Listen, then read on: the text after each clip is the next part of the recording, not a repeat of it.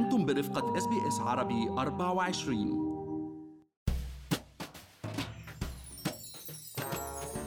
كشف بحث جديد إنه أكثر من ثلاث أرباع الأستراليين عم بفكروا بالعمل العمل الجانبي إلى جانب الوظيفة لدعم دخلهم الأساسي لأنهم عم بيشعروا بالضيق نظرا لارتفاع تكلفة المعيشة مؤخرا وشهدت منصات تأجير السيارات الخاصة إقبال كبير بالفترة الماضية فكيف عم بتكون الطريقة؟ معكم مرام إسماعيل من بودكاست لنحكي عن المال ورح نحكي أنا والمحلل الاقتصادي عبد الله عبد الله عن منصة جديدة تدعى دكار نكست دور يلي عم يستعملها الأستراليين لكسب دخل إضافي من استخدام سياراتهم الخاصة في مجالات مختلفة. بس خليني أذكركم إنه كل اللي بنقال بهاي الحلقة هو على سبيل المعلومات العامة فقط وليس نصيحة خاصة. يا عبد الله مش قادرين نبطل حديث عن ارتفاع الأسعار بسبب الضغط المالي الكبير اللي عم نشعر فيه مؤخرا في أستراليا والتقرير اللي نشرته شركة ذا Car Next Door بيقول إنه هناك زيادة بنسبة 148% في عدد المركبات المدرجة في منصة تأجير السيارات الخاصة بها. وهي عبارة عن منصة جديدة عم يتوجه إلها العديد من الأستراليين للحصول على الدخل الإضافي. فعلا مرام يعني هو عن جد رقم كتير كبير يعني 148% من الناس عم تبرم على دخل إضافي. والدراسة كمان بتقول إنه 41% من الأستراليين يعني تقريبا اثنين من كل خمس أشخاص يعني تقريبا النص صرحوا إنه انخفض دخلهم دخلهم الحقيقي لأنه بكل بساطة اليوم التضخم عم نشوفه هو حوالي 6% بآخر أرقام ومرشح يصير 7% بالفترة اللي جاية الأسابيع والأشهر اللي جاي ونفس الوقت الأجور آه، ما عم ترتفع بالشكل آه، يعني الكافي. امبارح نزلت الأرقام مع مكتب الأحصاء الأجور ارتفعت ب 2.7% على أساس سنوي. يعني فعليا الأجور عم تنخفض مش عم ترتفع. لهيك اليوم عم نشوف إنه في عدد كبير من الأستراليين عم بيبرموا على مدخل آه، على مصدر لدخل إضافي. واجمالا يعني منصات آه، تأجير السيارات مثل Car Next Door أو حتى اوبر أو أي منصة من هون منصات ال gig economy عم تعتبر خيار سهل وسريع نوعا ما آه، لهذا المصدر الدخل. وفعلا وخاصة يلي عبد الله بيملكوا سيارات خاصة ما بيلزمهم رأس مال ليبدأوا بكسب مال إضافي من هاي المنصة ودراسة تحدثت عن السيارة الخاصة بأستراليا غير المستعملة 96% من الوقت كمعدل عام. وفعلا هي فكرة Car Next Door إنه كيف ممكن واحد يستعمل أو يستفيد من سيارته أكثر وخاصة بال idle time يعني بالوقت ما إنه عم بيستعملها. وفكرتها سهلة إنه نحن بنأجر سيارتنا بأوقات الفراغ أو حتى إذا كنا بوقت الدوام مصفين سيارتنا بال parking أو بالمحل عم نشتغل بالبيت أو عم نشتغل من المكتب.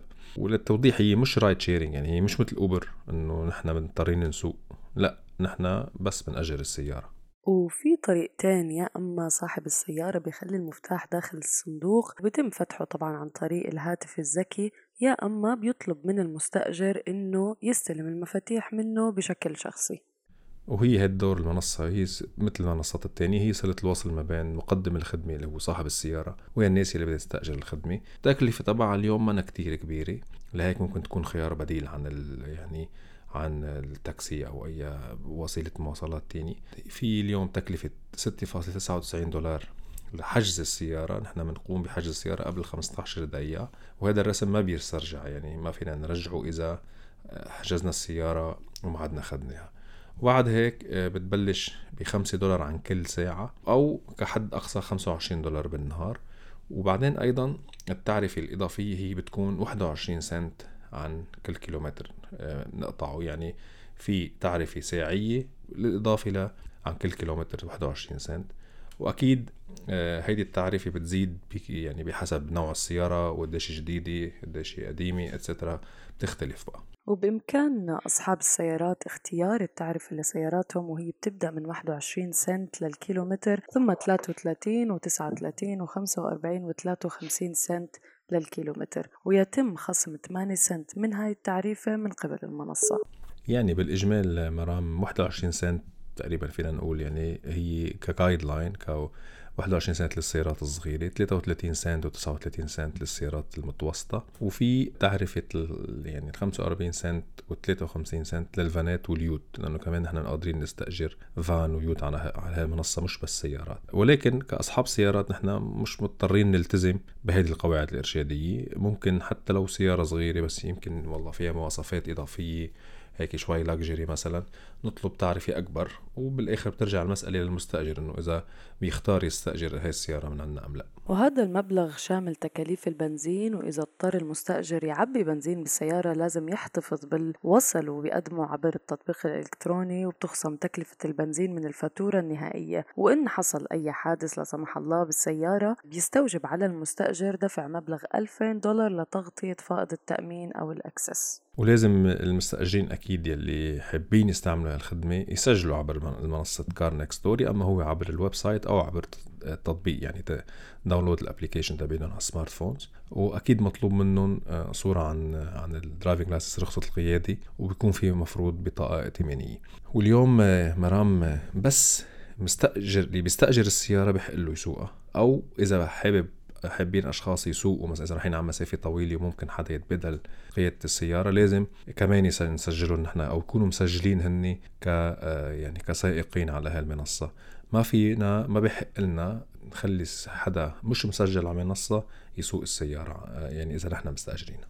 وبإمكان يعني عبد الله كمان استئجار مش بس السيارات العادية كمان إذا بدنا فانات أو يوتس بإمكان صاحب السيارة اختيار الوقت يلي بتكون سيارتهم فيه آه، متوفرة للإيجار وبحسب موقع المنصة يمكن كسب مبلغ شهري إضافي بيتراوح بين 300 دولار وال 2000 دولار. فعلا أكيد بعدين بتخصم يعني التكاليف أنت كنت عم تقولي مرام إنه في البنزين وفي يمكن تكاليف اللي بتلحق السيارة الثانية بقى بضل يعني حسب قديش المدة اللي بيتم تأجير السيارة فيها آه، ونوعية السيارة.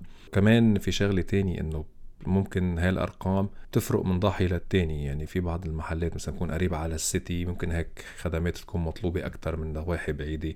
يعني ولكن هالمبالغ هيدي أكيد بتكون نحن بنقدر نستعمل سيارتنا الأيدل يعني منا عم نستعملها تطلع لنا دخل إضافي. وبيتوجب على المستأجر إعادة السيارة بنفس الحالة يلي استلمها داخليا وخارجيا ويحافظ على نظافتها وأكيد ممنوع التدخين داخل هاي السيارات عبد الله. ويمكن في ناس مرام اليوم ما بتحب حدا يسوق سيارتها طبيعي يعني آه، ما يحبوا هيدي الفكرة. لهيك اليوم آه، بتبقى منصات مثل اوبر تكون مفضلة عندهم ليكسبوا دخل إضافي. وإذا بنشوف اليوم كمان الأرقام تقريبا مثلا سائقي أوبر بسيدني عم يكسبوا كمعدل عام 41 دولار بالساعة وبملبورن 33 دولار. والفرق بس الأساسي ما بين هالمنصات إنه نحن بأوبر مضطرين نشتغل هالساعتين أو ثلاثة بالنهار زيادة. أما Car Next Door نحن بس بنأجر السيارة بالوقت تكون يا إما عم نرتاح بالبيت يا إما نكون عم نشتغل بالدوام الرسمي. يعني عبد الله خلاصة الحديث إذا اشتغلنا ساعتين إضافيات بالنهار ممكن نكسب بين ال 400 وال 500 دولار صافية إضافية بالأسبوع بعد خصم التكاليف وهذا مبلغ جيد وبيجي بوقته بهاي الفترة خليكم معنا مستمعينا في بودكاست لنحكي عن المال لنضل نواكب كل المستجدات يلي بتهم حياتنا المالية والعملية في أستراليا هل تريدون الاستماع إلى المزيد من هذه القصص؟ استمعوا من خلال أبل بودكاست، Google Podcast، Spotify أو من أينما تحصلون على البودكاست.